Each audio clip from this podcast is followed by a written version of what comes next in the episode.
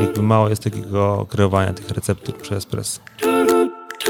Wiele kawiarni, wiele miejsc nie zwraca uwagi na tyle, żeby przygotować idealną recepturę tego espresso. Sprzęt jest podstawą, tak samo jak i, ziarno, natomiast e, pomimo tego nie rezygnujemy z profesjonalnych baristów. To jest cały czas kluczem, bo oprócz tego, że masz filiżankę to, i w niej dobrej jakości espresso, to liczysz cały ten experience. Główną nagrodą będzie ekspres Dalla Corte Studio.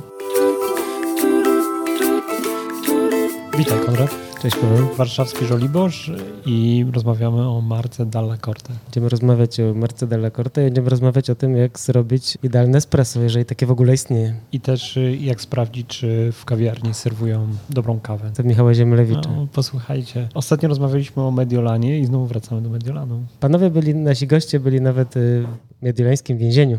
Mm, także jak będziecie, to jest takie miejsce, które polecamy, ale na przykład tylko na obiad. Tak, albo na kawę. Nie. Posłuchacie też o tym, jak te wszystkie wątki są związane no, z ekspresem, bo głównym bohaterem jest ekspres i zastanawiamy się nad przepisem na idealny espresso. No trochę o trendach też. Dużo się zmienia w rynku kawy. No tak, tak. W espresso trwa cały czas, czy w ogóle w kawie trwa cały czas poszukiwanie ideału. Mm, No i trochę o robuście, bo tam wielu naszych znajomych certyfikowało się, tak można powiedzieć. I na koniec o zawodach Della Corte Cup, które już niedługo. Właśnie, to takie zawody, w których myślę, że będą idealną propozycją dla naszych słuchaczy, bo mówimy o tym, że w tych zawodach mm, mogą startować osoby, które nie zdobyły na przykład wcześniej tytułu Mistrza Polski. Jeżeli myślicie o braniu udziału w zawodach, no to kilka ciekawych informacji dla Was w tym odcinku, ale też śledźcie nasze media społecznościowe i media naszych gości. Będziemy się pewnie jeszcze słyszeć i widzieć na takie, takich zawodach. Posłuchajcie rozmowy z naszymi gośćmi, Michałem Ziemlewiczem. I Jakubem Sasiną.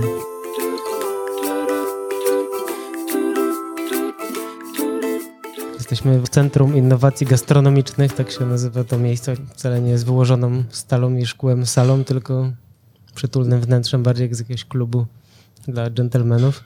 A sala jest w kuchni Żoliborz. Michał Ziemlewicz i Jakub Sasin, nasi goście. Cześć, dzień dobry. Cześć. Fajnie jest widzieć e, panów, może jeszcze nie w średnim wieku, ale już nie takich, e, nie takich juniorów, którzy wciąż pracują w kawie, wciąż mają zajawkę i wciąż się tym zajmują, bo wy tak naprawdę chyba zaczynaliście swoją przygodę w ogóle zawodową obydwaj od, od kawy i wciąż w niej jesteście. Tak, moja zawodowa przygoda To mówi Michał. Tak, e, jeśli chodzi o Warszawę, taką profesjonalną pracę za barem, no to jako barista zaczynałem. E, oczywiście zacząłem przez przypadek, większość ludzi z branży, w pijalni czekolady Wedel. Był tam baristą, który robił kawki i podawał czekolady. Mhm. Tam w centrum? E, nie, to była Galeria Mokotów. Mhm. A teraz taki szybki przeskok do tego, co dziś. Dzisiaj jestem brand managerem e, w BSCS, odpowiedzialnym za markę Dalla Corte i Compact, czyli markę ekspresów kolbowych i młynków. I ile to już czasu tą kawę parzysz? Tutaj pracuję 4 lata ponad. E, Zawodowo w kawie już ponad 10. Od tej właśnie przygody w pijalni Wedla, gdzie byłem baristą, e, można powiedzieć szeregowym. Historia zatoczyła dosyć koło, bo zaczynałem pracę na właśnie sprzęcie Dalla Corte, a Mhm. dzisiaj mam przyjemność, można powiedzieć, zarządzać tą marką Polsce. Do tego miejsca też e, oczywiście pracowałem w różnych dziwnych miejscach. No właśnie, startowałeś też w zawodach z sukcesami. Zdarzyło się. Nawet dwa razy stadionć na podium. Jestem wicemistrzem Polski Coffee and Good Spirits z 2019 roku. E, No i mam też zawody, ze sobą starty w innych zawodach typu Olimpiada Kawy, typu Coffee Champ, też Coffee and Good Spirits. Na, No właśnie, no, Coffee and Good Spirits i praca, praca za barami, no to widać, że gdzieś tutaj się przewija ten temat. Zawsze chciałem e, łączyć kawę z alkoholem. Zawsze jak e, zaczynałem, jak pracowałem jako barman, to gdzieś ta kawa e, była w tle. Zacząłem się rozwijać w kawie, no i to było takie naturalne połączenie. Dzisiaj bywam na zawodach raczej jako sędzia. Jestem też sędzią Mistrzostw Polski baristów w różnych kategoriach. Sam już typowo nie startuję. W sensie raz na jakiś czas jest taki pomysł, żebym ponownie startował ale raczej już obieram taką drogę sędziego. Mm, No jeszcze powiemy dzisiaj parę słów o zawodach, które wy organizujecie jesienią. Ale jeszcze na chwilę zostańmy przy początkach. A ty, Kuba, ile już lat parzysz kawę? Ojej, kawę to tak z sześć. I Tak co? odkąd się znamy, No właśnie. parzysz kawę. A Jak się poznaliście? Jak parzyliśmy kawę. Tak, poznaliśmy się na evencie kawowym. W Wiele, w Jeleniej Górze rozmawialiśmy przed chwilą. Tak, tak, tak. Pojechaliśmy na event do Jeleniej Góry takim wesołym autobusem. Poznaliśmy się w sumie w samochodzie, jak, e, jak wyjeżdżaliśmy na ten event. E, I tak nam zostało, że taka przyjaźń od pierwszego, pierwszego parzenia, można powiedzieć, no, od pierwszego spotkania, to, to na pewno. Tak, poza, poza pracą zawodową, którą też jakoś łączymy razem, e, no to przyjaźnimy się już te ponad 6 lat. No. No i poznaliśmy się na evencie 6 lat temu i tak się składa, że gdybyśmy się przyjrzeli mojej ścieżce kariery, to ja dalej jestem w tym świecie eventów i, i to jest cały czas mój główny nurt. The Big Beans się nazywa twoja firma, tak? Robisz The i- Big Means, tak. Mm. Robicie eventy kawowe, stawiacie bary, ekspresy. Mhm, dokładnie. Staramy się być jak najbardziej kompleksowi. Robimy eventy kawowe, ale też eventy alkoholowe, a czasami eventy bezkofeinowe, gdzie serwujemy jakieś smoothiesy, lemoniady. Spotkaliśmy się tutaj, żeby porozmawiać trochę o, o waszym spojrzeniu, o waszych pomysłach, przepisach na idealne espresso. Chcielibyśmy, żebyście się podzielili z nami, z naszymi słuchaczami, waszymi przemyśleniami na ten temat. Przepis na idealny espresso, no chyba nie istnieje tak naprawdę. Każdy ma swój.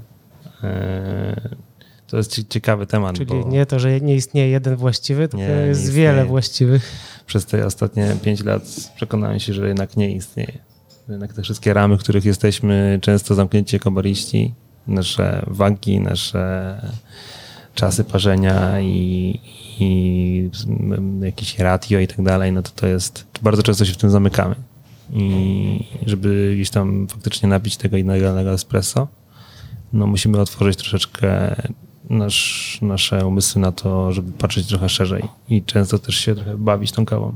Czasem o tym zapominamy. Wracając jeszcze do tego idealnego espresso, to powiem wam, że jasne, że do niego dążę, ale jak jest po prostu dobrze, to, to już jestem zadowolony. Zawsze mogłoby być lepiej. W moim ocenie jakby jestem mega surowy, szczególnie jak sam parzę to espresso i, i tak jak Michał mówi, że trochę się zamykamy w tych ratio, uzyskach, procentach ekstrakcji i to idealne espresso to, to jest coś, co po prostu trwa, nie? Nie da się go przyrządzić tak jednorazowo.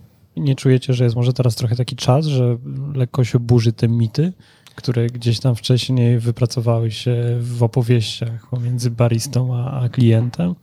Tak, to na pewno jest taki czas i, i to fajnie, że taki czas teraz jest, bo e, no ostatnie lata przede wszystkim mm, bardzo nam pomogły, nam baristom w tym, aby jakby łamać pewne bariery. Tak, zwłaszcza jeśli chodzi o receptury parzenia kawy i też jakby obecnie to, co się jest bardzo ważne, czyli jakby hospitality i przekazanie tego klientowi w odpowiedni sposób, tak. Jakby tutaj bardzo dużo baristów korzysta obecnie z najnowszych technologii, które pozwalają totalnie złamać pewne schematy, jeśli chodzi o espresso i nie tylko. Ale espresso jest bardzo takim trudnym tematem. Ja jak przychodzę do kawiarni, zawsze zamawiam zestaw za moim klientem, który kiedyś przychodził do mnie palarni i zawsze zamawiał espresso i kawę przelewową. I najczęściej w kawiarniach ta kawa przelewowa jest lepsza niż to espresso.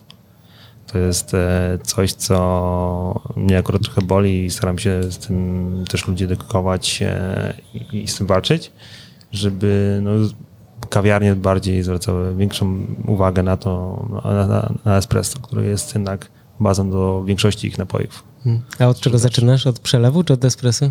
Najczęściej od espre- od espresso. Tak, tak. Najczęściej od espresso. To jest łatwo wtedy mm, odpowiedzieć sobie na pytanie, czy kawiarnia faktycznie jest dobra, czy nie. E, Pijąc, pijąc to faktycznie espresso. Bo przelew to jest jednak e, już inna sprawa, e, ale espresso jest poprawne, bardzo trudno jednak przygotować w warunkach takich kawiarnianych, żeby utrzymać ten pewien standard. Hmm. No Ja też mam takie przemyślenie, że łatwiej jest zrobić poprawny czy wręcz smaczny przelew. Wiesz co, warto, wydaje mi się, że mm, wiele kawiarni, wiele miejsc nie zwraca uwagi na tyle, żeby przygotować idealną recepturę tego espresso. Gdzie tam ma być, załóżmy, wiem, czas parzenia 30 sekund, przyjmijmy to w tym i, i ratio 2 do 1 i tam zamykamy się w pewnych właśnie tych schematach, tak? jakby mało jest takiego kreowania tych receptur przez espresso.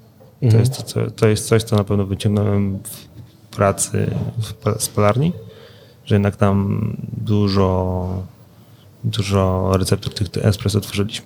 No dobra, no ale to co można zrobić? No bo tak Paweł teraz wspomniał, że jest taki czas trochę fermentu i poszukiwań, no to można zrobić oczywiście bardzo klasyczne espresso, takie na zasadzie 18 gramów kawy, 36 gramów uzysku, 30 sekund parzenia i, i co? Co można jeszcze zrobić? Tak trochę cię podpuszczam oczywiście, bo wiem, że można zrobić pewnie więcej, ale Tak, no wiesz co, y, obecne urządzenia y, pozwalają bardzo precyzyjnie kontrolować mm, i ciśnienie, i przepływ na przykład podczas parzenia kawy, tak? To nam pozwala e, zdecydowanie zmienić parametry preinfuzji, postinfuzji i, i totalnie bawić się recepturą espresso, tak? No Czyli bo taki- zachowując właśnie te parametry, o których wspomniałeś, typu gramatura, typu uzysk i tak dalej, tak? No bo taki standard to było zawsze 9 barów, tak? To przedstawili 9 barów po włosku. To jak teraz można to zrobić inaczej? Teraz możemy programować w ekspresach, jak ta woda ma szybko przepływać, na przykład przez grupę zaparzającą, bądź ile gramów na sekundę ma przepływać w danym czasie. I tutaj dzięki tym technologiom, jak kontrola przepływu, mamy bardzo precyzyjne narzędzie do tego, aby tworzyć totalnie różne receptury kawy na tych samych parametrach właśnie jak ratio, jak uzysk e, i czas parzenia. Mhm. Ja mógłbyś coś tak przybliżyć w tym znaczeniu, że nie wiem, kawa, która się będzie parzyła powoli. e, Kawa, świeża długo. kawa na przykład bardzo lubi e, w czasie preinfuzji wolne parzenie, tak? W sensie z wolnymi przepływami. Czyli żeby w Tak. czasie preinfuzji, czyli tego wstępnego parzenia, żeby dosyć mało wody do niej dopływało, Nie, tak? nie, nie, nie, nie chodzi mi o mało wody, tylko to tak jak zaparzasz kawę przelewową, tak? Żeby długa była ta E, preinfuzja. Raczej starasz się nie zalewać tej kawy e, bardzo szybko. W sensie takim mm, bardzo szybkim mm, przepływem. Mhm. tylko starasz się de- delikatnie tą kawę zalać. Tutaj jest po, podobnie w przypadku espresso. Jeśli masz świeżą kawę mm, i użyły i, i podasz z ekspresu 3 gramy na sekundę tej wody, a nie 10 standardowo, to mamy, możemy z tej kawy zdecydowanie więcej wyciągnąć. Więcej wyciągnąć słodyczy i wyższe body. Tak samo jest z kawami, które są na przykład e, stare bądź wypalone. Tutaj możemy zastosować osobno, e, odwrotną technikę. Czyli w tej pierwszym etapie preinfuzji możemy bardzo szybko mm, podać tą kawę szybkim przepływom Mhm. i wydobyć z niej od razu w, finalny, w pierwszym etapie to, co e, ta kawa ma do zaoferowania, a w ostatnim etapie delikatnie utrzymać e, ten proces parzenia, czyli jakby zwolnić przepływ. No, wtedy możemy ciekawe. bardzo dużo słodyczy wyciągnąć wtedy. Nawet ze starszej kawy bądź ciemno palonej. Więc jakby te technologie nam bardzo dużo ułatwiają, tak? Tylko musimy się trochę na nie otworzyć. Dalej wśród baristów jednak są pewne schematy, których się trzymamy. No właśnie, jak mówimy o baristach, to na ile jest to związane właśnie z ich umiejętnościami? Czy, czy to, to nie jest tak, że już nie trzeba tak wiele tych umiejętności, tylko sprzęt w jakiś sposób wyręcza? Yy, Nie, nie. Sprzęt cię, sprzęt cię nie, nie wyręczy z przygotowania idealnej receptury. Tutaj jednak e, twoje doświadczenie w pracy z espresso e, jest kluczowe. Tak? Ty musisz znać ten idealny balans mniej więcej, tak? jaka twoja kawa e, ma i pracując z, z tym, co masz, jeśli chodzi o sprzęt, możliwości, spróbować wydobyć, wydobyć z tego więcej. Ej, Jakub, ty powiedz, bo ty masz takie trudniejsze często sytuacje, bo masz event, Mhm. masz pewnie kilku baristów, zdarza się, że kilka ekspresów. E, To takie, takie rozwiązania, wiesz, na, na ile wpływają na tą jakość? No bo no myślę o tym, że mm, możesz, wiesz, ustawić, prawda, jakąś Mhm. recepturę, która jest powtarzalna, że wtedy te, te kompetencje tej osoby, którą zatrudniasz, nie są aż tak istotne, bo ten sprzęt jednak trochę pomaga. Tak, na pewno pomaga. Na pewno sprzęt jest podstawą, tak samo jak i, i ziarno. Natomiast e, pomimo tego nie rezygnujemy z profesjonalnych baristów. To jest cały czas kluczem, bo oprócz tego, że masz filiżankę to, e, i w niej dobrej jakości espresso, to liczy się cały ten experience, czyli jakby cały czas musisz mieć baristę, który o tym opowie, który przedstawi tą kawę trochę przygotuje gościa na, na dane ziarno i to, że mamy receptury, to, że mamy super jakości sprzęt i, i standardy, nie zwalnia nas z tego, że, że jakby możemy pozbyć się baristy. Jakby cały czas pracujemy z, staramy się pracować z najlepszymi. Mm. Jak długo trwa przygotowanie baristy, czy osoby, która miałaby zostać baristą do pracy, żeby była w stanie, po, po jakim czasie będzie w stanie, wiesz, parzyć kawę na evencie, gdzie jest tysiąc osób, i, czyli de facto jest non-stop pewnie kolejka do ekspresu. Jak jest tysiąc osób, to moim zdaniem jest łatwiej niż 50. Dlaczego? No, dlatego, że zazwyczaj jak jest tysiąc osób, to jest nas minimum trzech na przykład, nie? Mhm. Więc e, taka, ta trzecia osoba to, to może być taki back barista, jak, e, a, który będzie po prostu supportować tych dwóch, którzy, którzy grają pierwsze skrzypce i właśnie opowiadają, prowadzą to przedstawienie i, a, jakby nadzorują całość, więc ta trzecia osoba wtedy ma szansę najwięcej się nauczyć. Natomiast ogromnym błędem byłoby wysłanie tej trzeciej osoby samej na event, żeby obsłużyła 50 osób, no bo i ona się zrazi i, i ci nasi goście się zrażą, a, a nasi goście mają już e, wobec, wobec nas oczekiwania dobrej kawy, nie? dobrego spotkania, miłej atmosfery. To musi być profesjonalna osoba. I ile czasu trwa szkolenie? To zależy z jakiego pułapu startujemy. Więc jeżeli mamy baristę... Powiedzmy, że od zera. Od zera u nas Michał, który, który startował w zasadzie z kawą od zera. Nie mówię o, o Michale po mojej prawej stronie, ale o, o naszym doskonałym bariście, który pracuje z nami cały czas. To Michał po trzech miesiącach zrobił pierwszy event, natomiast to wiązało się z tym, że był, e, był, był wybitnie chłonny tej wiedzy. Szybko opanował techniki latte art, miał też podstawy już do customer service, więc miał doskonałą jakby jakość obsługi gościa. No, wprowadzał taką atmosferę na evencie, że my się wszyscy czuliśmy jakbyśmy się znali od lat. Więc e, no, po trzy miesiące to, to było najszybciej. A są i tacy, którzy po kilku miesiącach nie pojechali na event sami i, i nie wiem, czy kiedyś pojadą. Natomiast e, to też nie, nie jest wyznacznikiem, że ktoś robi event sam, czy, czy nie. To, jakby Chęć do nauki tutaj jest kluczem. Chyba, chyba długo, co? Sobie wyobrażasz, że w kawiarni zatrudniasz człowieka i masz po trzech miesiącach dopiero poczucie, że on tam potrafi obsłużyć klienta. Tak? Tak, tylko kawiarnia, a event to są dwa różne światy. Do kawiarni jak przychodzimy, to mamy już zrobiony cały montaż, nie? A jak jedziemy na event, no to za każdym razem stawiamy bar gdzie indziej. Za każdym razem musimy przemyśleć, czy munek postawimy z prawej, czy z lewej strony. Jak ustawimy bar, jak sobie przygotujemy serwis mleka. To, to wszystko jakby trzeba, trzeba zrozumieć całą sytuację i, i dopasować się do nich. Skąd będą wchodzić goście? Czy oni wychodzą tylko na przerwę, czy mamy targi, które trwają cały czas i, i obsługujemy tych gości e, kawa za kawą.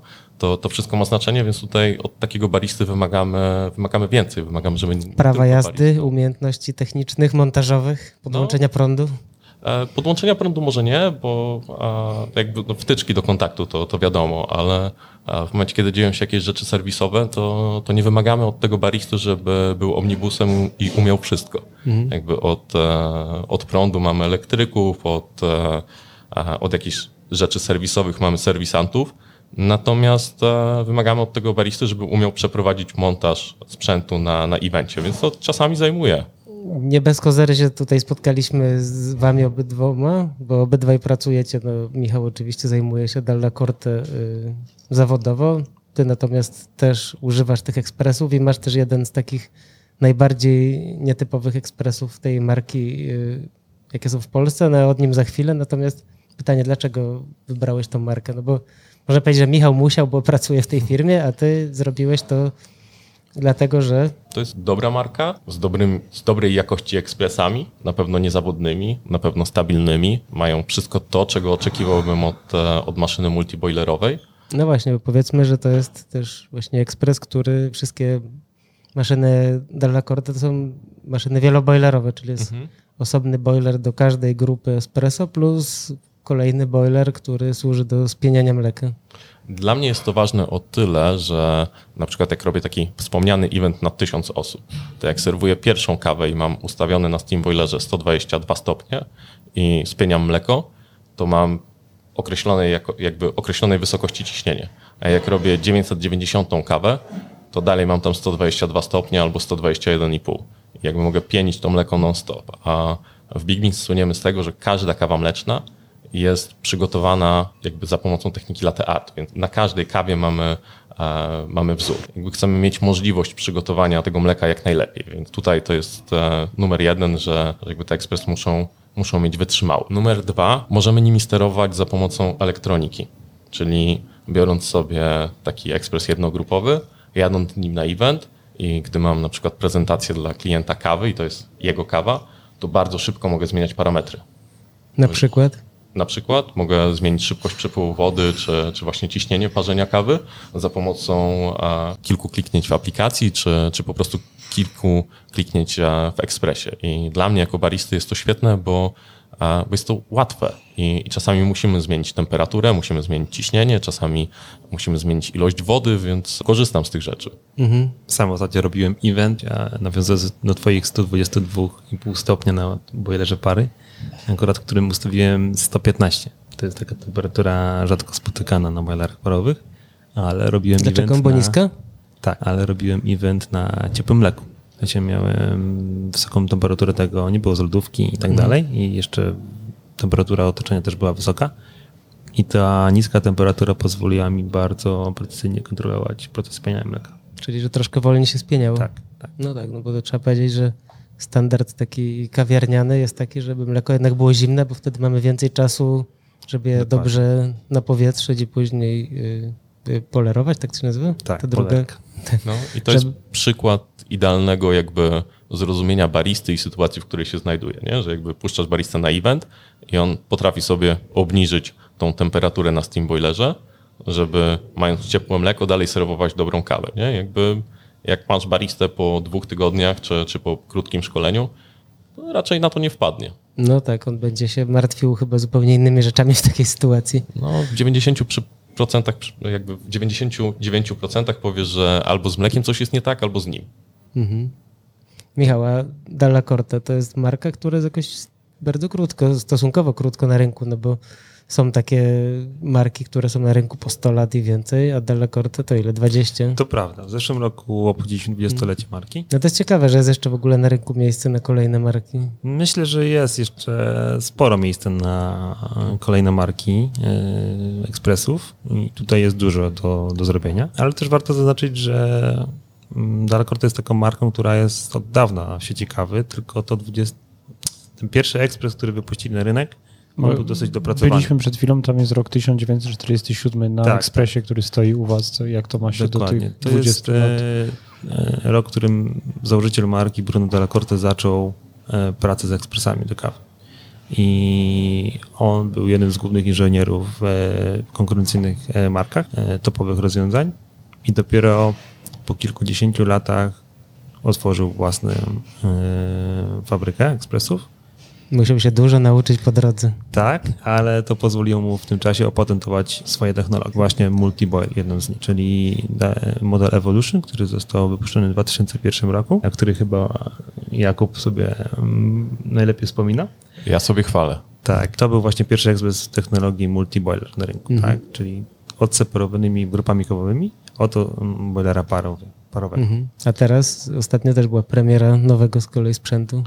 Tak, to był ekspres Icon, czyli taki, to już tak trzecia ta generacja tego ekspresu, o którym powiedziałem, modelu Evolution. I co w nim znajdziemy? To, rozumiem, że to jest ekspres oczywiście do kawiarni, do gastronomii. Tak, to jest ekspres dedykowany do rynku choreka o dużym, e, no, lokalizacjach o dużym natężeniu ruchu.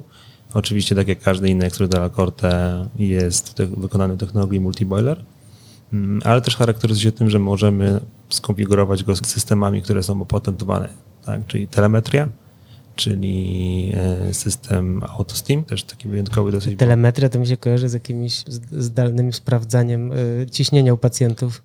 Tak to działa. E, możesz zdalnie sprawdzić cienie, ale na boilerze parowym. A, okej. Czyli Jakuba siedzi w domu, a baryści się męczą na evencie, to może sprawdzić Może. przez internet, na jakim jak ja ciśnieniu się- pracują. Ku, Jak Kuba ja jako... w domu, to prac- mi może ciśnienie podnieść. E, nie, Kuba jesteś na innym evencie, no. Jesteś pracow... pracowitym człowiekiem. No, to jak twoi baryści w jednym miejscu Polski, to ty pewnie w drugiej pracujesz. No, często, często. Ale wróćmy, bo właśnie nasi Tak, i to słuchacze jest, też pewnie e, by potrzebowali, nie? To jest ciekawe rozwiązanie, bo y, no, nowy system telemetrii pozwala wrzucić sobie do swojego mm, zarządzania kilkanaście ekspresów i w każdym mm, kontrolować, co się dzieje online. Czyli mo- jeśli mamy sieć kawiarni, to właściciel tej sieci ma dostęp do wszystkich ustawień, które są w Expressie. Ta technologia miała w nowym wydaniu, bo Dala Corte już e, kilkanaście lat jest, e, ale w nowym wydaniu miała premierę na World of Coffee w Mediolanie. Ale jest aż tak bardzo zaawansowana, że może zdalnie zmieniać? Tak. Mm, Tak. Można Możesz robić baristą psikusy. Tak, tak. Możesz zdalnie zmienić temperaturę, możesz zdalnie zmienić e, ciśnienie na boilerze, możesz zdalnie zmienić e, receptury, dozy, temperatury na grupach.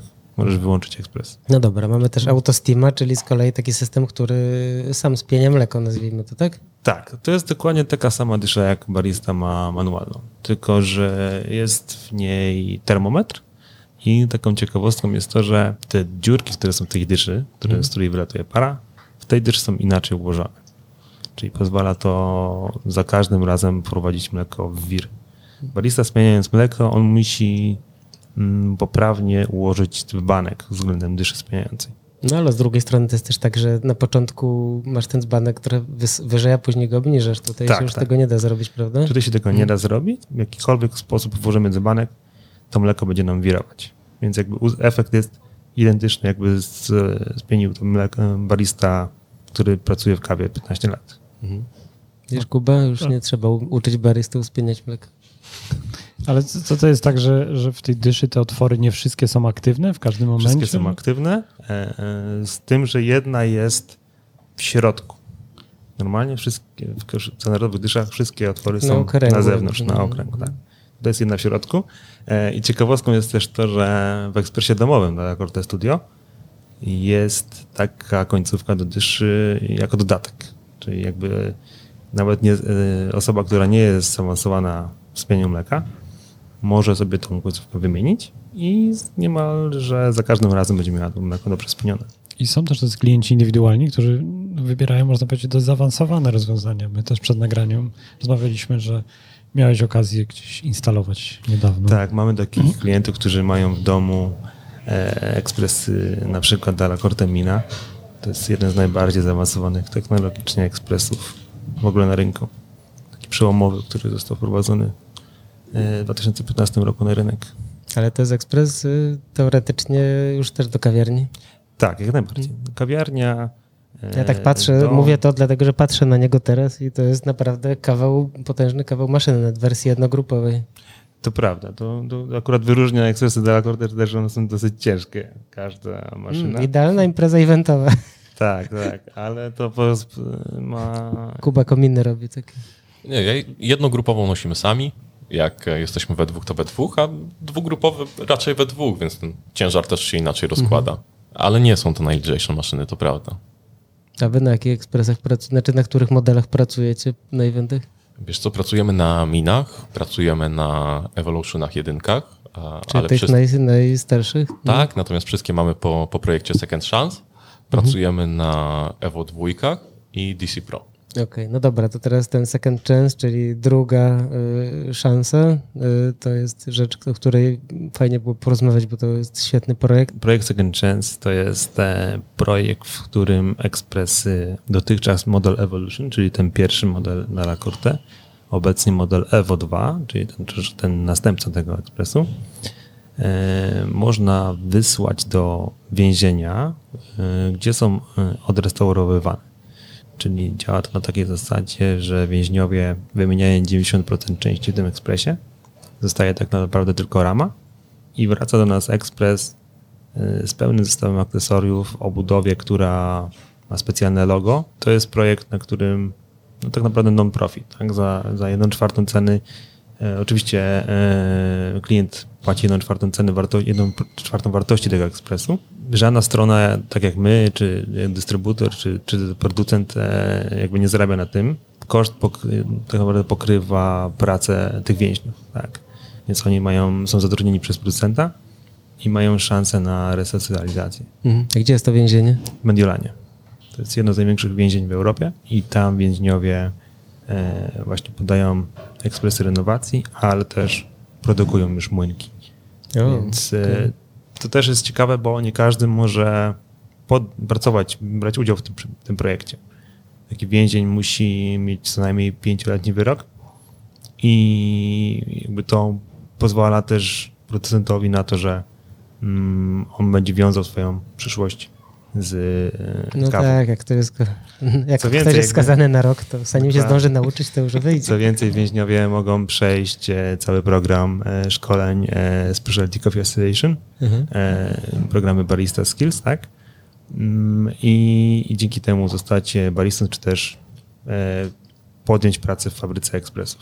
Okej, czyli nie tylko po wyjściu z więzienia mają otwartą drogę do bycia technikiem, ale też mogą zostać po prostu baristą. Tak, oczywiście. Taki więzień e, może zostać baristą, może zostać e, technikiem, a może również pracować e, u producenta. I takie sytuacje też się zdarzały, że, że były osoby, które mm, były wybitnie zdolne technicznie. Producent ich za, po prostu zatrudnił po, mm, po wyroku. Przeglądaliśmy materiały, to jest też restauracja w tym więzieniu.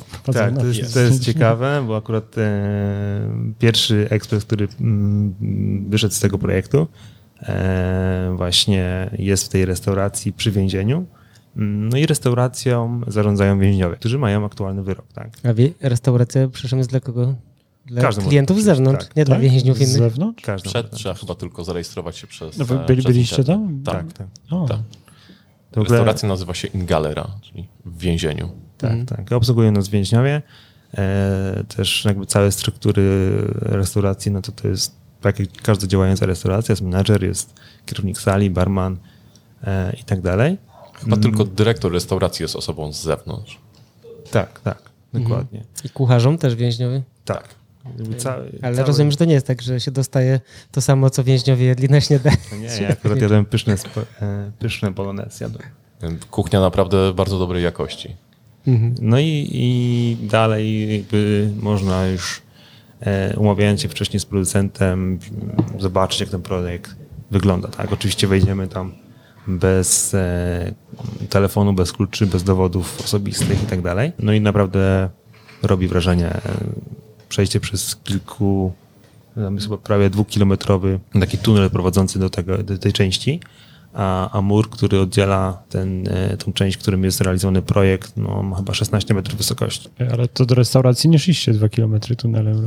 To nie, nie ta, nie, ta do, do, restauracja. do, do restauracji byliśmy, po, ja byłem podwieziony. I takie ekspresy trafiają na rynek, e, ale jakby trafiają w ten sposób, że nie można sobie ich sobie po prostu kupić. Tylko właściciel tego ekspresu musi ten ekspres wysłać do Włoch, e, zrealizować projekt właśnie przez dystrybutora i my jesteśmy takim pośrednikiem przy realizacji tego projektu. Tam jak byłeś, dużo mają pracy? Dużo było takich ekspresów? No, realizujemy, my realizujemy rocznie kilka, do kilkunastu projektów ro- w Polsce.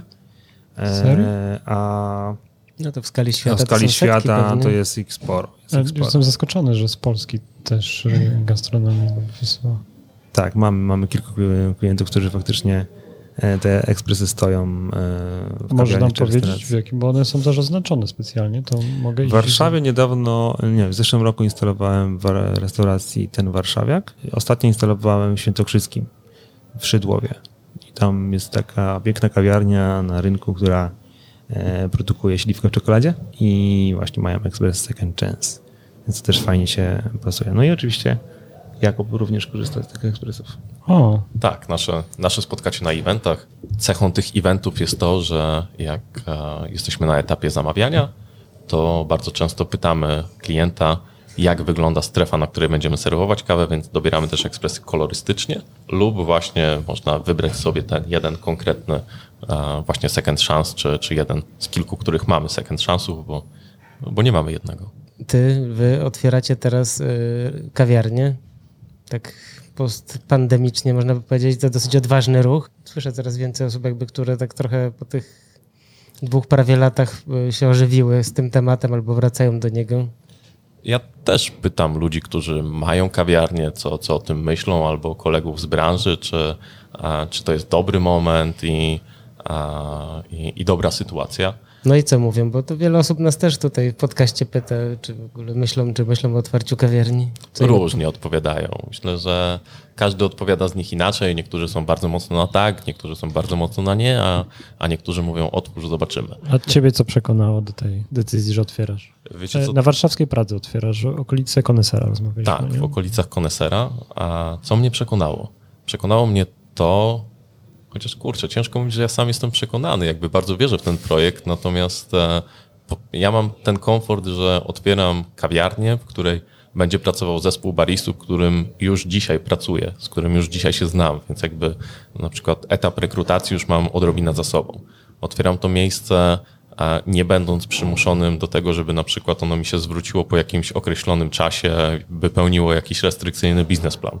Mam ten komfort, że jakby zarabiamy na eventach, więc robimy kawiarnię, która jednocześnie będzie pełniła rolę naszego showroomu, gdzie nasi klienci eventowi będą mogli przyjść, poznać baristę a, i, i będą mogli właśnie zaznać tego, a, tej dobrej kawy, dobrych ludzi i, i dobrych ekspresów, więc a, otwieramy to w takim spokoju, nie? Jakby czy będzie kolejna fala, czy nie, to, to jest wróżenie z fusów, natomiast my i tak otworzymy. A kiedy otwieracie? Ciężko powiedzieć, wiesz. Planowaliśmy w sierpniu, przekładamy na wrzesień, a jak otworzymy w październiku, to, to też będę zadowolony. Wszystko zależy od tego, ile eventów będziemy mieli i, i jak to będzie wyglądać we wrześniu, a, a przemierzamy się do, do wielu realizacji. A im więcej eventów, tym e, późniejsze otwarcie showroomu. No No, tak. bo jednak eventy są cały czas naszym priorytetem. A eventy robicie głównie w weekendy? Nie, nie, nie, nie, nie ma totalnie, a, nie ma tutaj żadnej reguły. Mhm. A jak się kawiarnia będzie nazywać? wizytówka. Bo będzie naszą wizytówką. Będzie dokładnie tym, co, co serwujemy na eventach i a, będzie tam można spotkać właśnie ekspresy, a, które używamy na eventach. Tu będzie też sala szkoleniowa, gdzie, a, gdzie będzie można szkolić baristów na eventy i, i cały czas polepszać te nasze standardy. Duży lokal, co? Totalnie nie, totalnie nie.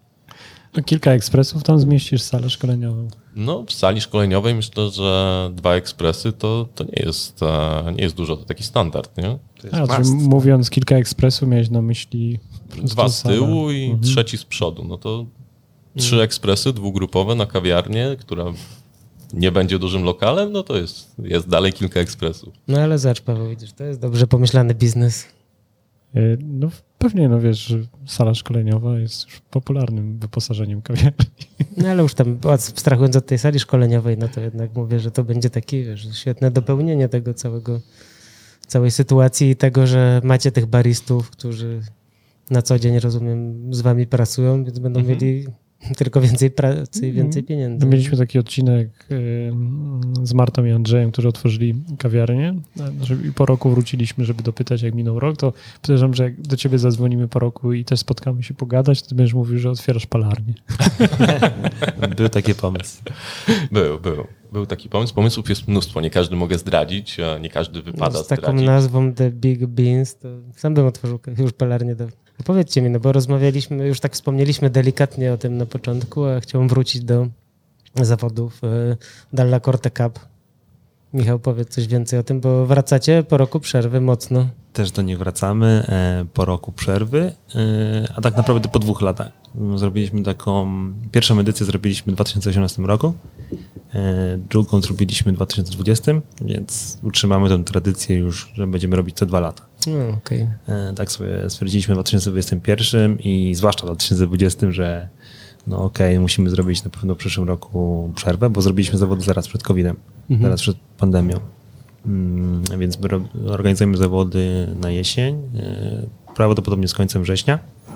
Mm, Więc e, Możesz jakieś szczegóły już zdradzić? Wiadomo już coś konkretnie? wiadomo, że będziemy, że będą organizowane, że wiadomo, że główną nagrodą będzie Express Dalla Corte Studio. Prawdopodobnie będą e, eliminacje 30 września w Warszawie. To Ten- może wystartować. Jaka jest formuła? Tak, formuła jest troszeczkę inna niż e, standardowych zawodów, gdyż e, nie mogą wystartować, e, i to utrzymujemy, nie mogą wystartować mistrzowie Polski. W pierwszej edycji nie mogli wystartować wszyscy zawodnicy, którzy byli w ogóle na podium mistrzostw Polski w jakiejkolwiek dziedzinie. Mówimy o oficjalnych zawodach SKA. Czyli typu Mistrzostwa Polski Tak, Baristów, dokładnie. Cup Tasting, Brewers Cup i tak dalej. Mhm. I Coffee Good Spirits na przykład, więc nie startowałem. Aeropress, E, który nie jest oficjalnymi no to zawodami, to Aeropress okej, oczywiście tak. Mhm. Więc w drugiej edycji już e, zrobiliśmy tak, że nie mogą wystarczować, tylko, nie mogli wystarczować tylko mistrzowie i w tej edycji będzie mm, tak samo.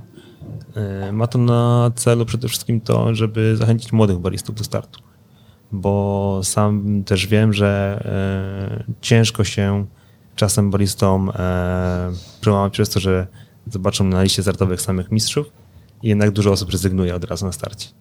Więc- Czułem, że nie mają szans. Dokładnie, więc tutaj e, staramy się e, promować e, start w zawodach wśród e, balistów, które chcą się rozwijać. No i też staramy się organizować zawody w taki sposób, e, którym będą atrakcyjne dla uczestników, czyli No dobra, jaka jest formuła? No. Formuła będzie e, podobna jak w ostatniej edycji, czyli e, pierwsza runda będą e, na pewno mm, będzie latart. Mamy takie specjalne koło mm, fortuny latart, którym losujemy wcześniej wzór i musimy jak najlepiej go przygotować. Każdy losuje dla siebie? Tak, każdy mhm. losuje dla siebie, bądź w parach. W zeszłym roku akurat były jedna para losowała jeden wzór i najlepszy I taki pojedynek, tak? Jednym Dokładnie. słowem. No, fajnie. Więc wprowadzamy też trochę fanu. W zeszłym roku, znaczy dwa lata temu, podczas tej drugiej edycji, mm, drugą mm, konkurencją było mm, zamówienie na czas, czyli e, bariści dostawali, e, też startowali w parach, dostawali e, zamówienie składające się z kilku produktów różnych, typu, nie wiem, na przykład frappe, cappuccino i dwa razy espresso Mhm. i musieli w jak najszybszym czasie je przygotować. Sprawdzaliśmy wtedy poprawność przygotowania wszystkich produktów i tak dalej, i tak dalej. Czyli jak ktoś zrobił 10-sekundowego shota, który był niedobry, to nie to, że wygrywał. Nie, nie, Mhm. absolutnie. No i fina, e, finałową konkurencją w, zarówno w pierwszej, jak i drugiej edycji było mm, profilowanie espresso. To było coś To nowego. brzmi groźnie. Barista dostawał e, wcześniej znaną kawę. E, każdy miał ustawiony tak samo młynek i tak samo ekspres, Mhm. w sensie wolumetrykę tego ekspresu, czyli, czyli Ile wody przepłynie Dokładnie. przez ekspres? Mhm. I jedyną opcją, którą mógł zmienić, był profil przepływania tej wody przez tą kawę. Czyli mógł zaprogramować w jakim czasie, e, ile gramów na sekundę. Czyli z jaką musiał wgryźć się w menu ekspresu, tak? I w nim ustawić... Tak, tak. Czyli, czyli musiał stworzyć idealny, e, jak najlepszy profil tego e, espresso. A młynka nie można dotykać? Nie. Tutaj były ustawione sztywne receptury, czyli, e, czyli doza i uzysk, a jedyną opcją, którą mogłeś zmienić, to była właśnie doprofilowanie espresso. Więc tutaj bariści mieli czas na przygotowania, e, no i musieli pokazać sędziom, e, zaprezentować to ich najlepsze espresso i powiedzieć, dlaczego akurat wybrali taki profil. Mhm. A Jest w ogóle w tych zawodach prezentacja? W Na tej Tej- zasadzie tak, tak. No w sensie musiałeś Mhm. powiedzieć, jak, e, jak, dlaczego wybrałeś taki profil, a nie inny, jeśli chodzi o przygotowanie espresso, jak ona smakuje. Mhm. E, A w czasie na przykład tych podania tych y, kilku kaw na czas, Wtedy y, nie. tam prezentacji Tam już bez, Mhm. bez prezentacji. W tym roku formuła e, na pewno będzie e, wyglądać w ten sposób, że eliminacje, bądź też pierwsza runda mm, będą, będzie to latart, e, a finał będzie prawdopodobnie prezentacją skróconą, e, taką jak na Mistrzostwach Świata Baristów, czyli przygotowanie milk beverage i espresso wraz z e, prezentacją. Mhm. Ale bez, ale bez tego drinka, że napoju dowolnego. Bez. Tak. Mhm. Więc tutaj e, otworzymy baristom e, troszeczkę więcej możliwości. Każdy będzie mógł prawdopodobnie przyjść ze swoją kawą. E, I oczywiście każdy będzie mógł przygotować e, espresso za pomocą e, idealnego według nich profilu, bądź też zmienić na przykład przepływ e, na grupie zaparzającej. Czyli będzie czas na to, żeby pogrzebać w ekspresie. Tak, my zawsze też organizując tego zawody robimy taki dzień otwarty, więc jakby dajemy możliwość w 100% przygotowania się na tym, na czym zawodnicy będą startować w finale, czy też w pierwszych konkurencjach. Tak. Mhm. To jest właśnie, też fajne, że my staramy się robić te zawody tak, aby to było atrakcyjne dla uczestników, tak? Czyli pierwszy, czyli o, zacznijmy od nagród, które są jakby wyjątkowe, jeśli chodzi o, o zawody. Podczas pierwszej edycji zwycięzca Paweł Koza poleciał na tydzień do Kolumbii. Dostał też e, wsparcie finansowe i to było też dla, dla pierwszych sześciu miejsc, bez Mhm. nagrody pieniężne. A drugi zwycięzca Marek Wita, który obecnie pracuje w Palarni Hype, wygrał właśnie Express Della Corte Studio wraz z Młynkiem Max. Super. Więc to jest coś, co raczej się nie zdarza podczas jakichkolwiek zawodów, nawet tam na skali Mistrzostw Świata.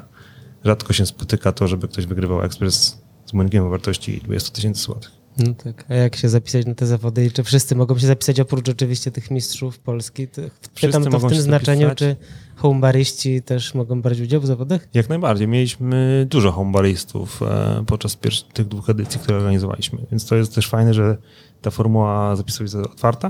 No właśnie, bo na przykład, żeby się zapisać na zawody typu Mistrzostwo Polskie, no to trzeba być członkiem SKA i tak dalej, prawda? Jest parę do przeskoczenia sko- schodków, a tutaj Tutaj formuła jest otwarta, co więcej e, nie, bierzemy, nie pobieramy wpisowego, więc to też jest e, taka dla pewnych bariera, żeby, żeby startować.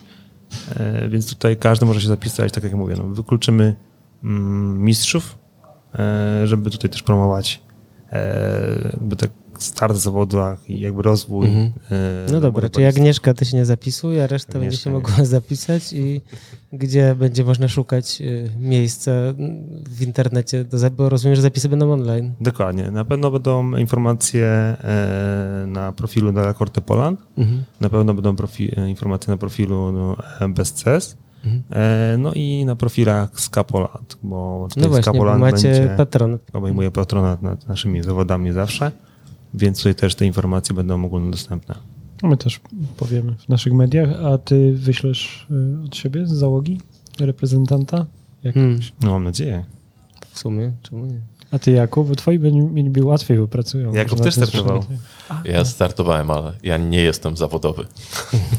ale tak, mieliby łatwiej, bo, bo pracują na tych ekspresach, więc e, jeżeli się zdecydują, to mają pełny support. Ja zawsze zachęcam, bo to rozwija. Mam nadzieję, tak. To start w zawodach to jest no, coś, co wielu bar- baristów o czym mówi, tak, że to jest czas, w którym e, najwięcej im daje jakby rozwoju. I, I sam to też potwierdzę, że e, jak przygotowałem się do Mistrzostw Polski i Good Spirit w 2019 roku, to było akurat jakieś tam trzy, trzy, trzy miesiące przy- przygotowań. No i to był czas, w którym naprawdę ta kreatywność jest na największym poziomie i jakby tutaj szlifujemy swoje umiejętności, no bo yy, do zawodów musisz się przygotować. I to nie jest tak, że możesz pójść oczywiście, tak powiem, z buta, ale no na pewno nigdy nie osiągniesz do dobrego rezultatu. No tak, to jest też moment, żeby pewnie poszlifować skillsy, choćby dotyczące idealnego espresso, o którym dzisiaj trochę rozmawialiśmy, ale tam jeszcze chętnie wrócił do tego, do tego tematu, bo mam wrażenie, że jeszcze go tak w pełni nie zeksplorowaliśmy. Y, Nie wiem, może ty Kuba powiedz, jakbyś miał, wszedł do pokoju, gdzie by, wiesz, stał ekspres, młynek, była paczka kawy i tam no, akcesoria barystyczne, to jakbyś się zabrał do zrobienia espresso, jak najlepszego espresso, jakie potrafisz zrobić? Chyba standardowo, nie, nie wymyślałbym koła na nowo. No to dawaj swoją, dawaj swoją swoją metodę. metodę. To wiesz, to, to tak jak się to odbywa na, na eventach, powiedziałbym, że najpierw wrzuciłbym a, ziarno do młynka, po prostu sprawdził, a, ile, ile gram z niego wylatuje, a potem zaparzyłbym takie pierwsze espresso z 18 gramów z uzyskiem 36 a, i Czyli tak bardzo klasycznie, 1 do Tak. 2 i 18 do tak, 36. Mhm. dokładnie. W takim najbardziej klasycznym czasie parzenia 25-30 sekund, z czego celowałbym pewnie w tą, w tą wyższą. A, a, I później zobaczyłbym, co da się poprawić, nie? Czy, czy ono, a, czego ono wymaga. Czy jest zbyt gorzkie, czy zbyt kwaśne, czy, czy jest zbyt krótkie, czy, czy zbyt długie. Jakby no, Rozumiem, że, szlifowałbym e, tą podstawową recepturę zdecydowanie. rozumiem, że to jest trochę tak, że trudno udzielić na to pytanie jednoznaczną Ciężko, odpowiedź. To jest bo... niebezpieczne pytanie. ogóle. Ja, ojej. Tak, ja też bym e, do tego w ten sposób e, podszedł. Ja akurat lubię takie ratio 2,5 mniej więcej, czyli troszeczkę więcej z tej kawy wyciągnąć, ale mm, to zależy też jaką kawę mamy, tak, i, i jaki, na co mamy, co mamy ochotę, że tak powiem w danym momencie, bo ja osobiście często mm, wybieram te kawy owocowe mm, bardzo, a z kolei no, są takie momenty, w którym chciałbym się napić takiego klasycznego włoskiego espresso. Mhm. Czyli takie gęste, żeby ono było całe, wypełniało, że tak powiem, cały ten mouthfeel. z bardzo fajnym aftertastem. No i tutaj szukamy, ja szukam wtedy takiej gładkiej tekstury. Dla mnie to jest coś, co. No właśnie, jak uzyskać taką gładką teksturę w espresso? No bo często jednak się zdarza tak, że idziemy do kawiarni albo dostajemy coś bardzo takiego ostrego w smaku, nieprzyjemnego, z jakąś często taką mocną goryczą, albo w drugą stronę coś takiego wodnistego i płaskiego. Nie? No tutaj to jest e, poszukiwanie tego balansu właśnie według mnie mm, przy tym ratio. ratio. Czyli jednak e, też mało baristów e, tutaj sobie tutaj e, operuje e, odpowiednimi dozami. Tak, czyli zamykają się właśnie w ten 2 do 1, 2,25 max. Ja staram się wyciągnąć z tej kawy z dużej dozy na przykład e, troszeczkę więcej gramów. I Czyli duża doza dla ciebie jest ile? 20? 20, tak. Mm. Staram się nie przekazać, że też, tych 20, no e, 22 gramy to już jest moim zdaniem bardzo, bardzo dużo, tak. Więc e, to też musimy mieć tą świadomość, że im większa doza, no to starajmy się, musimy jakby więcej tej kawy zaparzyć, żeby to miało jakikolwiek sens i smak. E, Więc e, z 18 gramów, jeśli tak wyciągniemy te 40, 40 gramów, no to też jest też duże ratio, ale to wszystko zależy, tak jak, tak jak powiedziałem, jaką kawę mamy Mhm. na stole. No jak ty mówisz, że lubisz takie y, soczyste, owocowe czy kwasowe kawy, to ja właśnie pewnie już przytaczałem tą powiedzieć, ale muszę to zrobić jeszcze raz, bo to był jeden z moich y, takich godshotów. To było w, W Grecji. w Grecji, w Atenach, tak. Mhm. W kawiarni, w kawiarni Tailor Made i Mhm. wypiłem shota, który się parzył 50 sekund z Kenii. Też mam takiego szrota. Też akurat z Kenii. Zaparzałem go na warszawskim festiwalu kawy w 2019 roku, właśnie przy, przy Delacorcie, e, m, przy użyciu Delacorte miny. I parzyliśmy wtedy, e, pamiętam, mieliśmy dwa młynki i na jednym młynku ustawiliśmy Kenię, tylko że ona by była wypalana pod filtr. Więc, No kurczę, bardzo jasne, no. Tak, tak. Więc tutaj operując właśnie przepływem, m, zaparzaliśmy do kawy prawie jak dripa. E, 3 gramy na sekundę przez e, 50 chyba właśnie 5 sekund parzyliśmy tego shota. E, No i to był tak owocowy i taki pełny shot. Tam w ogóle nie było goryczy, ani Mm. takiej agresywnej kwasowości. To może właśnie w tej Grecji To coś było- takiego się to, wydarzyło. To było bardzo, to było bardzo dobre espresso. Bo ja tak- Teraz to pamiętam. Zaparzyłem, te, zap, zap, zamówiłem tego shota, no bo to robił go dla mnie tamtejszy barista i przez pierwsze 15 czy 20 sekund nic się nie wydarzyło. To myślałem, oj, oj, ale będzie zjarane. Tak, tak, ale A to tutaj... było naprawdę takie słodkie, pełne. Więc ja w ogóle polecam bawić się, e, jeśli oczywiście mamy do tego możliwości, bo nie na każdym e, też sprzęcie możemy coś takiego wyciągnąć, tak? E, Jeśli mamy możliwość sterowania ciśnieniem, jeśli mamy możliwość sterowania przepływem, no to tutaj e, też zaparzanie e, espresso z kaw wypalanych pod filtr dużo nam tutaj e, otwiera nasz, że tak powiem, wyobraźnię i to, co możemy stworzyć przy ekspresie ciśnieniowym. Tak jak powiedziałem, 55 sekund e, kilka lat temu nigdy nie powiedział, żebym wypił espresso, który się parzyło 55 sekund. No tak. A ty, Zwłaszcza z Kenii jasno opalonej. Na filtrze, ty Kuba, pamiętasz jakieś takie espresso w swoim życiu, które ci zostało na długo w głowie? Mhm. Pamiętam. Pamiętam kiedyś e, piliśmy kawę z, z Freehandu. To była Kenia chyba Kenia Nieri. Jak mówisz, to mi się przypomina, ale, a, ale sam bym na to nie wpadł. No ciekawe, że Tak. opowiadamy wszyscy trzej o piciu No. Kenii w Bo to się rzadko zdarza. razy tak? Kenia. Mm. Żeby mieć Kenię też na młynku i, i tutaj bariści się moim zdaniem trochę boją tej Kenii. No, na- myślę, że ją też jest bardzo łatwo zepsuć. Jak ją źle zrobisz, to jest trochę E, niepijalnie Nie wiem, czy potwierdzisz, ale pewnie też ciężko wypalić dobrą Kenię pod espresso, żeby to miało Mhm. sens. No tak. Pod filtry chyba łatwiej. A poza tym Kenia jest też bardzo drogą kawą i niewiele osób się decyduje, żeby palić taką kawę, a później jeszcze ją kupować. Prawda, ja też pamiętam takiego szydzika, który mi na pewno utkwił w pamięci, to była e, Etiopia e, Burtukana w Coffee Brandzie, jak pracowałem jeszcze. Mm, No i też tego wypalaliśmy, parzyliśmy go e, w niskim ciśnieniu właśnie espresso. I to było coś takiego, taki owocowy boom na podniebieniu. I, I to na pewno zapadnie mi w pamięci. Ja z espresso, który jeszcze pamiętam i tutaj powiem wam, że to było ciekawe przeżycie i to, to jest akurat coś, co pamiętam jeden do jednego, to jak kiedyś Mateusz Gaca zaparzył mi espresso z robusty, które było owocowe, smaczne, zbalansowane i w ogóle otwierało oczy.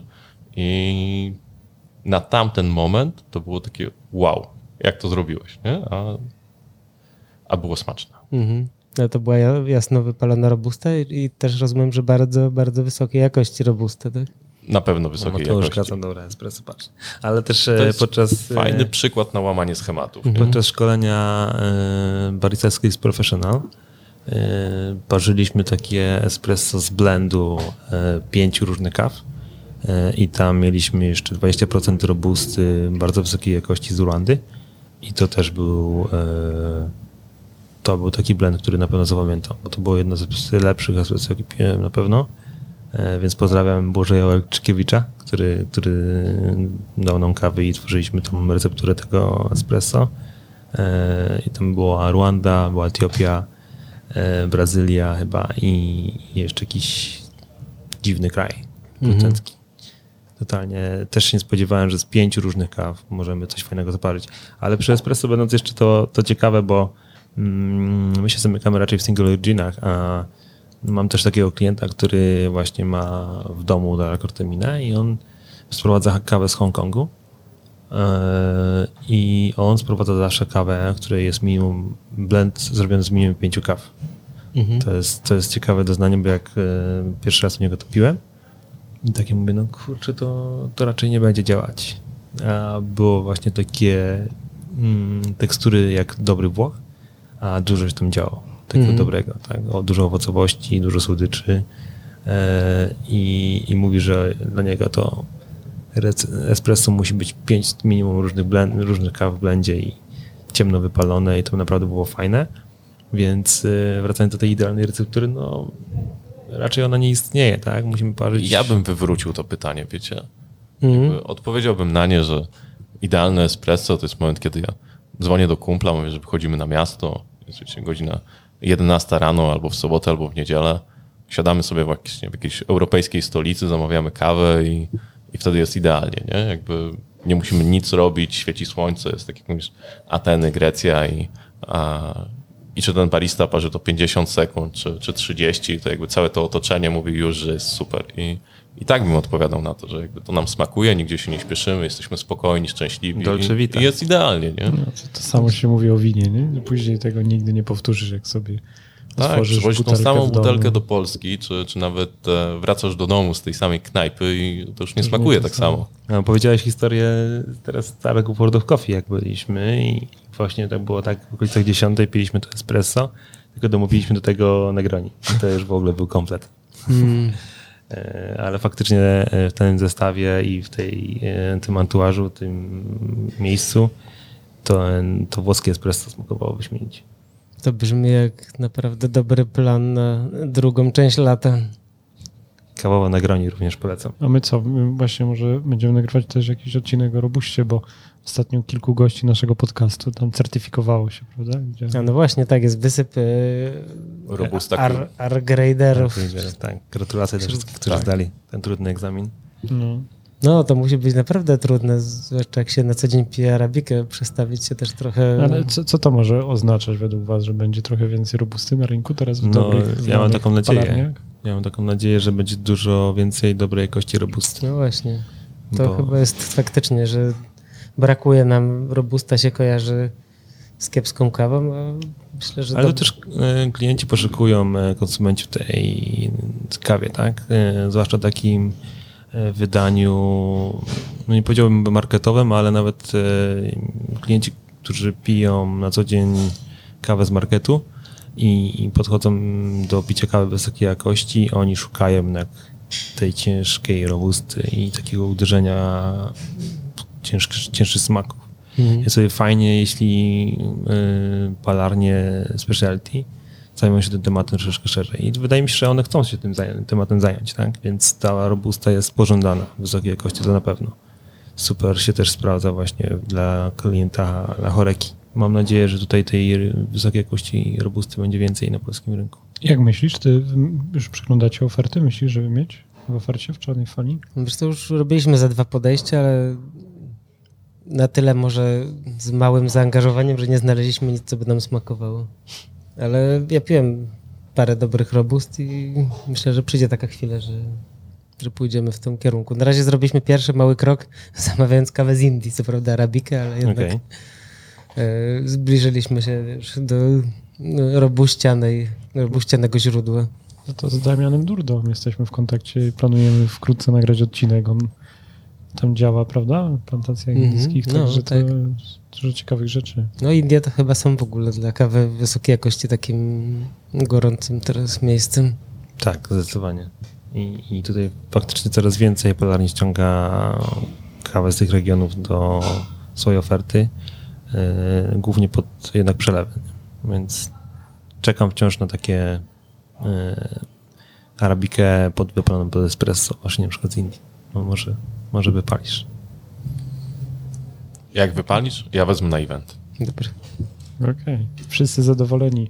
E, gdzie warto śledzić e, informacje o, o tym, co u was, o zawodach? E, No można nas śledzić na mediach społecznościowych e, Dala Corto Poland, e, Best CS, tam wszystkie aktualne informacje e, znajdziecie. Można obserwować mój profil na Instagramie i Facebooku, gdzie często się dzielę tym życiem służbowym, czasem łączyć to z życiem prywatnym. Tam trzeba wpisać Michał Ziemlewicz. Tak, moje imię, nazwisko. E, a, no i można, zapraszam serdecznie do naszego showroomu w Warszawie na Żoliborzu, na Rydygiera 8, gdzie po prostu można się ze mną mówić, przyjść, poglądać maszyny, po, porozmawiać przy kawie i, i, i zobaczyć e, te fajne maszyny w akcji. U nas The Big Beans, czy, czy BigBeans.pl na ten moment na, na Instagramie e, i Jakub Sasin.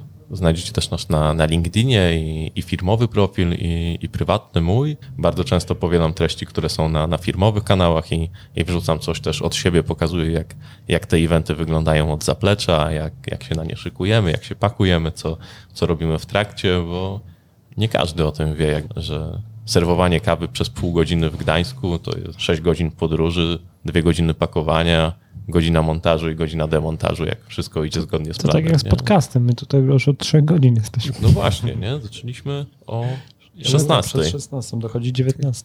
No tak, a obiecaliśmy Michałowi, że do 19 skończymy. Zostało nam 5 minut, więc chyba pora, żebyśmy się z wami serdecznie pożegnali i podziękowali wam za To za była duża udział. przyjemność. Dziękuję bardzo. Tak. Dziękujemy. dzięki. Do usłyszenia. Będziemy jeszcze mówić, yy, na pewno się usłyszymy jeszcze z Michałem, bo będziemy rozmawiać o zawodach. Dzięki wielkie. Dzięki. Dzięki.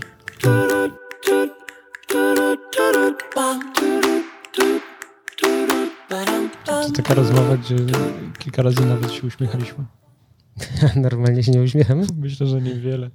To co, wprowadzamy zestaw y, Michała do, do codziennych y, działań. Jak przyjdzie ktoś do, teraz do, do waszej kawiarni i usłyszycie, że zamawia espresso i przelew, to bądźcie czujni. To znaczy, że słucha podcastu. Słuchajcie, to może też y, piszcie do nas, y, gdzie sprawdziliście. Możecie podesłać jakieś zdjęcie i dajcie znać, mm, co smakowało lepiej, a co równie dobrze. Nie, no właśnie, bo to myślę, że jak znajdziesz kawiarnię, w której jest i dobre espresso, i dobry przelew, to trzeba się trzymać, jak wiesz. To my opiszemy wtedy, powiemy o tej kawiarni, że y, polecamy, nie? Tak. No, to bardzo ciekawe. To jesteśmy w kontakcie nam na Instagramie Podcast o kawie e, i też na stronie podcastokawie.pl, tam wszystkie odcinki. To co, zapraszamy. Do.